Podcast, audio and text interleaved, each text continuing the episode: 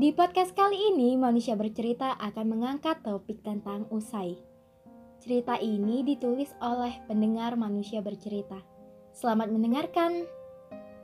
Teruntuk seseorang yang telah menemani diriku selama tiga setengah tahun.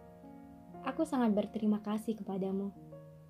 Pria pendiam, tipe pendengar, dan sesekali juga menjadi pria yang bawel. Makasih ya, makasih sudah nemenin aku selama ini. Udah ngantar ke mana pun yang aku mau. Aku yang dulunya anak rumahan, akhirnya aku tahu beragam tempat di berbagai kota. Aku yang dulunya gak suka jamur, jadi suka jamur. Ya karena kamu yang membiasakannya.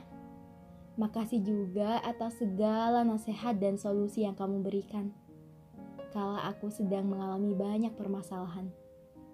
Makasih pernah memberikan semangat, makasih pernah peduli, dan makasih juga karena kamu begitu perhatian. Jujur, aku tidak pernah memikirkan tentang perpisahan kita. Tapi rupanya batas waktu untuk kebersamaan kita telah usai.